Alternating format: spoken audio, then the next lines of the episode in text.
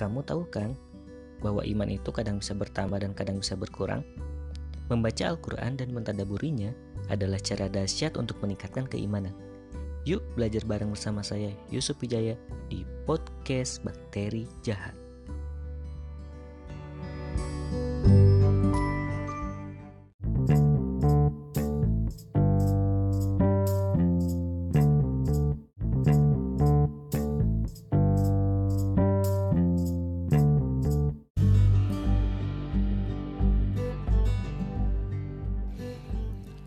Assalamualaikum warahmatullahi wabarakatuh.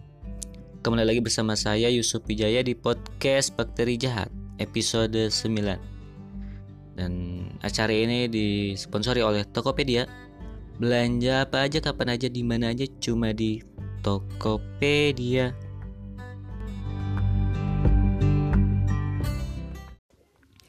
Oke, uh, alhamdulillah ya kita sekarang sudah ada di penghujung tahun 2019 Oke, dan apa-apa yang telah terjadi di tahun ini, eh, segala kenikmatan yang telah terjadi tahun ini patut kita syukuri dengan ucapan syukur Alhamdulillahirobbil alamin karena kita sampai saat ini masih diberi nikmat iman, masih diberi nikmat Islam yang kita tahu tidak semua orang bisa mendapatkannya. Karena itu wajib kita mensyukurinya. Uh, dan saya harap juga di tahun ke depannya mudah-mudahan uh, energi-energi negatif, bakteri-bakteri jahat yang ada pada diri kita, yang ada pada hati kita bisa semakin berkurang ya digantikan oleh bakteri-bakteri baik dan energi-energi positif ya semakin bertambah pada diri kita. Ya itu salah satu harapan dari podcast ini juga sih. ya. Oke, okay, uh, eh, langsung aja ya untuk membarokahkan waktu. Kita mulai episode 9. Uh, eh, kalau kemarin di episode 8 kita uh, mengkaji surat Al-Baqarah ayat 1 sampai 5. Oke. Okay. Dan kali ini kita akan mengkaji surat Al-Baqarah ayat 6 sampai 10. Oke, dipersiapkan Al-Qur'annya atau catatannya mungkin teman-teman kita belajar bareng-bareng. Oke. langsung aja ya. Uh, dari mulai ayat 6 ya.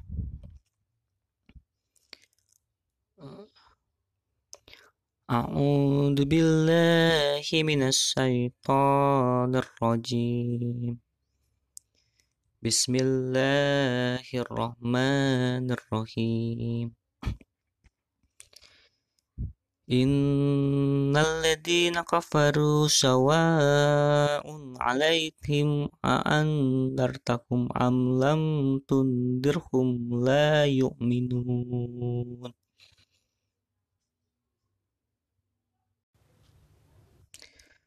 Oke, eh, maknanya Inna sesungguhnya aladina orang-orang yang kafaru kafir atau ingkar sawaun sama alaihim atas mereka tahum apakah engkau peringatkan mereka? Amlam atau tidak tundirhum engkau peringatkan mereka? La yu'minun tidak beriman mereka sesungguhnya orang-orang kafir sama saja bagi mereka engkau Muhammad beri peringatan atau tidak engkau beri peringatan mereka tidak akan beriman. Jadi maksudnya eh, orang-orang kafir ialah orang yang tidak beriman kepada Allah. Sebagaimana yang diperintahkannya. Kafir jamaknya itu kufar. Yaitu orang-orang yang tidak percaya kepada Allah, Rasul-Rasulnya, malaikat-malaikatnya, kitab-kitabnya, dan hari kiamat. Ya, rukun iman itu ya. Di dalam Al-Quran disebutkan bahwa orang-orang kafir, yaitu ahli kitab dan orang-orang musyrik, yang sangat ingkar kepada Rasulullah Wasallam, mereka tidak akan beriman walaupun diberi peringatan yang disertai dengan ancaman. Bagi mereka sama saja, apakah mereka diberi peringatan keras atau tidak. Mereka tidak akan beriman. Itu makna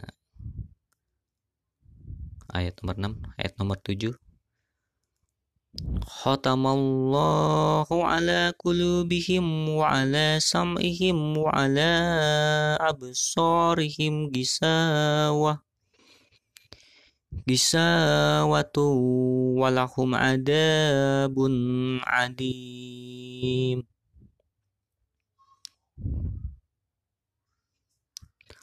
Khotamallah menutup atau mengunci Allah ala atas kulubihim hati mereka wa ala dan atas sam'ihim pendengaran mereka wa ala dan atas absorihim penglihatan mereka gisawah tutup atau tabir walahum dan bagi mereka adabun siksa adimun yang besar yang besar yang berat. Jadi Allah telah mengunci hati dan pendengaran mereka, penglihatan mereka telah tertutup dan mereka akan mendapat azab yang berat. Jadi hal yang menyebabkan orang-orang kafir tidak menerima peringatan adalah karena hati dan pendengaran mereka tertutup, bahkan terkunci mati.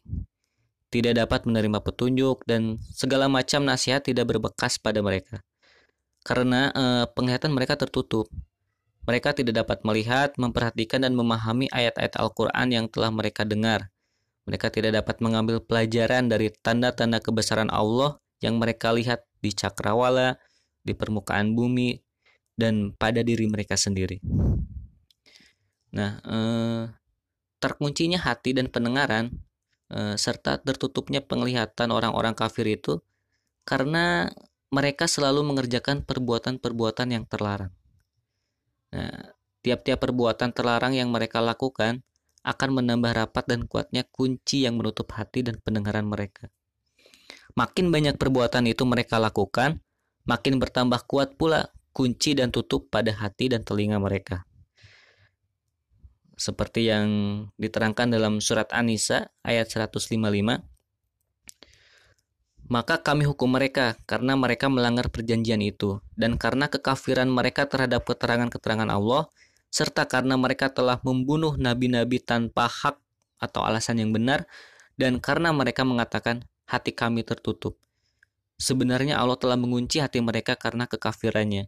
Karena itu hanya sebagian kecil dari mereka yang beriman. Lalu juga dalam surat Al-An'am ayat 110 wa nuqallibu afidatahum wa absarahum kama lam yu'minu bihi awwala marrati wa awwala marrati wa nadaruhum fi tugyanihim ya'mahun dan begitu pula kami memalingkan hati dan penglihatan mereka seperti pertama kali mereka tidak beriman kepadanya, kepada Al-Quran. Dan kami biarkan mereka bingung dalam kesesatan.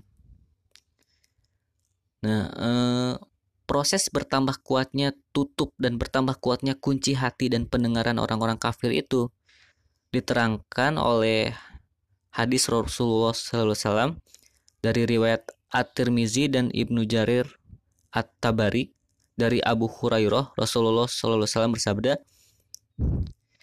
eh, Innal abda idal ahto'a hoti'atan nukitat fi qalbi nuktatun saudah faida huwa naza'a wastaghfaro wa taba sukila qalbuhu wa in ada zida fiha hatta ta'lamu hatta ta'luwa qalbahu wa huwa ranul ladina dakarallah kalabal ro'na ala kulubihim maka yaksibun. Sesungguhnya seorang hamba apabila ia mengerjakan perbuatan dosa terdapatlah suatu noda hitam di dalam hatinya. Maka jika ia bertobat, mengkilat hatinya, dan jika ia tambah mengerjakan perbuatan buruk, bertambahlah noda hitam. Itulah firman Allah, tidak, tetapi perbuatan mereka menjadi noda hitam di hati mereka.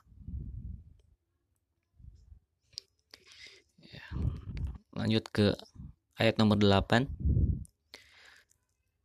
ومن الناس من يقول آمنا بالله وباليوم الآخر وما هم بمؤمنين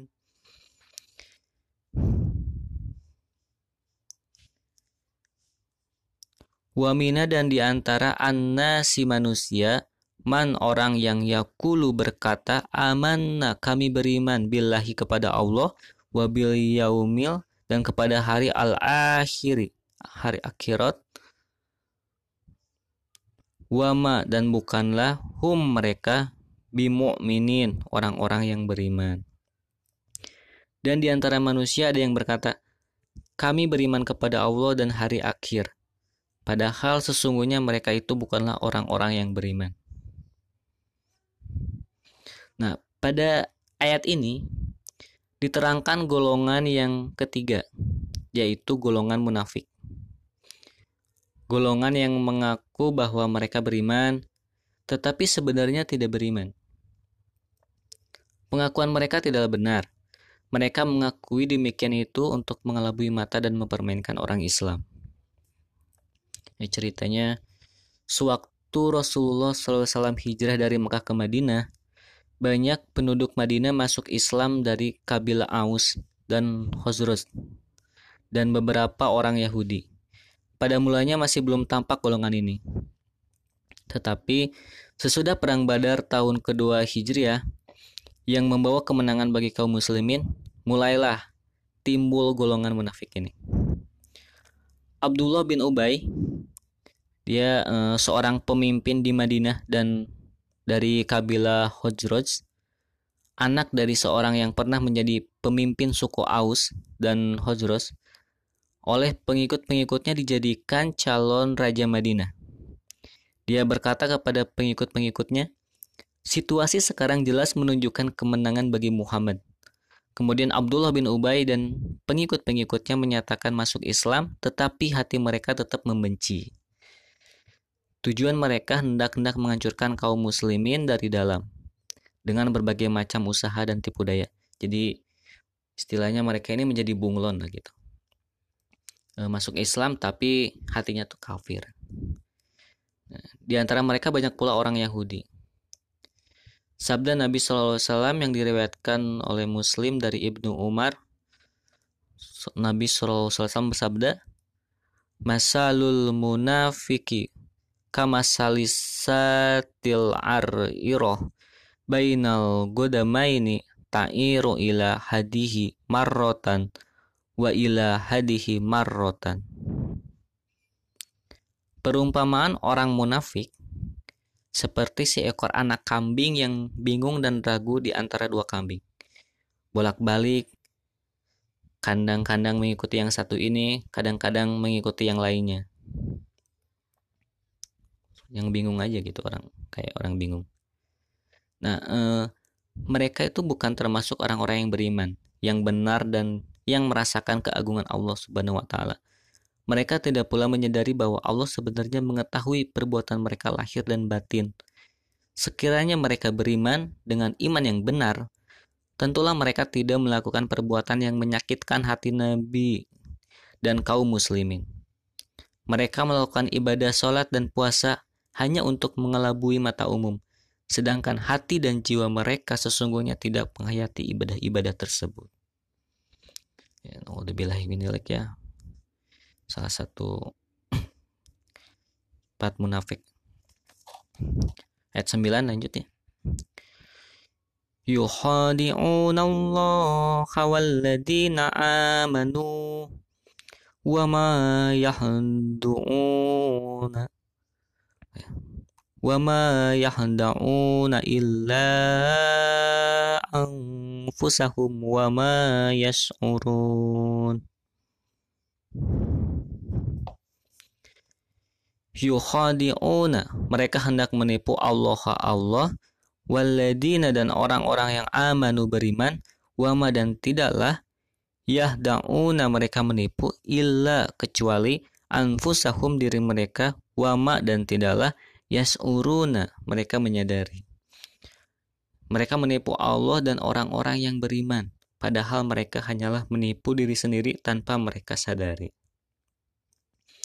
Jadi eh, orang munafik itu menipu Allah dengan cara menipu Rasulnya yaitu Muhammad SAW. Menipu Allah, Rasulnya dan orang mukmin ialah dengan memperlihatkan iman, kasih sayang, dan menyembunyikan permusuhan dalam batin. Mereka bergaul dengan kaum muslimin untuk memata-matai mereka dengan kemudian menyampaikannya kepada musuh-musuh Islam. Mereka menyebarkan permusuhan dan fitnah untuk melemahkan barisan kaum muslimin. Usaha kaum munafik itu gagal dan sia-sia. Hati mereka bertambah susah, sedih dan dengki, sehingga pertimbangan-pertimbangan yang benar dan jujur untuk menilai kebenaran semakin lenyap dari mereka. Mereka sejatinya bukanlah menipu Allah, Rasulnya, dan para mukminin, tetapi mereka menipu diri mereka sendiri. Akibatnya, perbuatan mereka itu akan menimpa diri mereka sendiri. Hanya saja mereka tidak menyadarinya. Kesadaran merupakan daya jiwa untuk menanggapi sesuatu yang tersembunyi, yang tersirat dari yang nyata atau yang tidak nyata. Sembilan. Ayat 10 Fi kulubihim marad. Fajadahumullahu maradu walahum adabun alim. Bima kanu yakdibun fi di dalam kulubihim hati mereka marodo penyakit fajadahum maka menambah Allah Allah marodo penyakit walahum dan bagi mereka ada ben siksa alimun yang sangat pedih.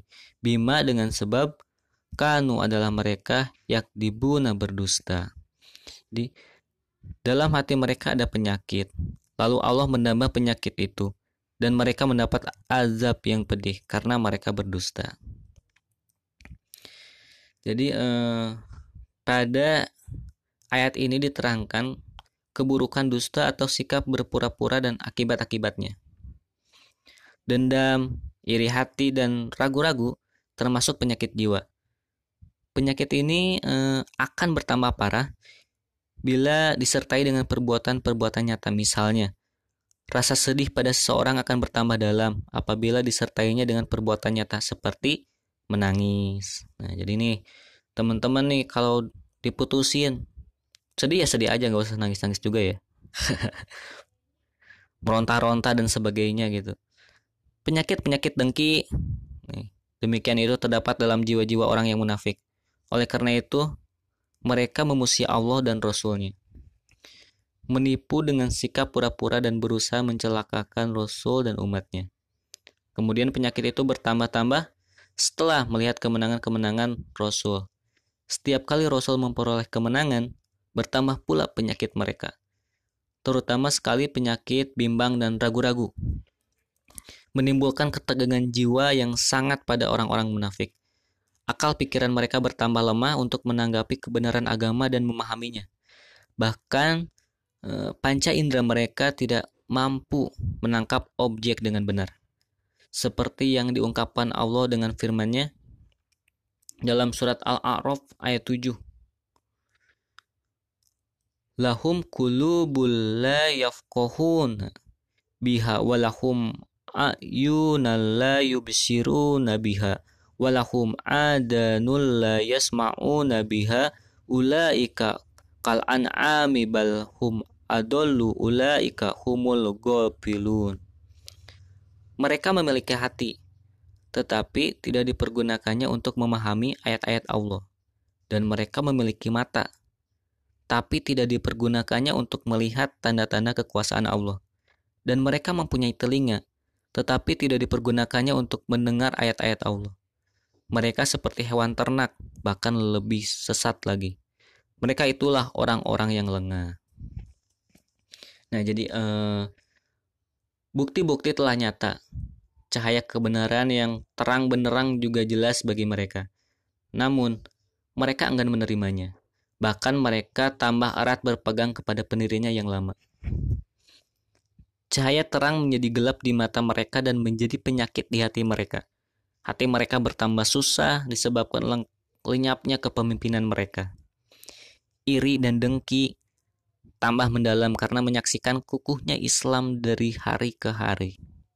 Akibatnya, pendustaan mereka yaitu mengaku beriman kepada Allah dan hari akhir dan tipu daya mereka terhadap Allah, mereka akan menderita azab yang pedih. Nah, eh, dalam ayat ini dan ayat-ayat eh, berikutnya nanti Allah menerangkan sebagian dari sifat-sifat orang munafik yang melakukan tindakan-tindakan yang merusak. Nah, antara lain membantu orang-orang kafir dan membukakan rahasia kaum muslimin, mendorong orang-orang kafir segera menghancurkan kaum muslimin, mengadakan perjanjian kerjasama dengan lawan-lawan Islam, menimbulkan pertentangan-pertentangan dalam masyarakat, menghasut orang-orang Islam agar meninggalkan Nabi Muhammad SAW, dan lainnya sebagai dan lain sebagainya. Eh, dalam firman Allah dalam surat Al-Baqarah ayat 205 menjelaskan wa ida tawalla sya'a fil ardi liyufsida fiha wa yuhlikal harsa wan nasla wallahu la yuhibbul fasad dan apabila dia berpaling dari engkau dia berusaha untuk berbuat kerusakan di bumi, serta merusak tanaman-tanaman dan ternak. Sedang Allah tidak menyukai kerusakan. Begitulah ayat nomor 10 ya.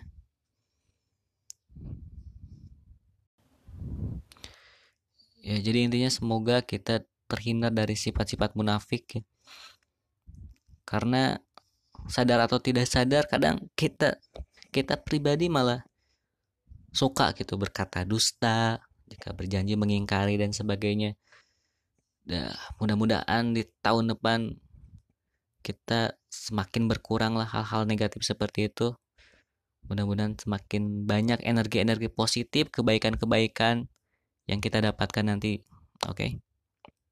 sekian aja podcast bakteri jahat episode 9 kali ini. Apabila ada salah-salah kata atau salah-salah baca saya mohon maaf yang sebesar-besarnya. Uh, mudah-mudahan ini bisa apa ya bisa mendatangkan manfaat bagi diri saya pribadi dan umumnya bagi teman-teman pendengar semua. Sampai ketemu lagi di episode berikutnya. Saya Yusuf Wijaya. Assalamualaikum warahmatullahi wabarakatuh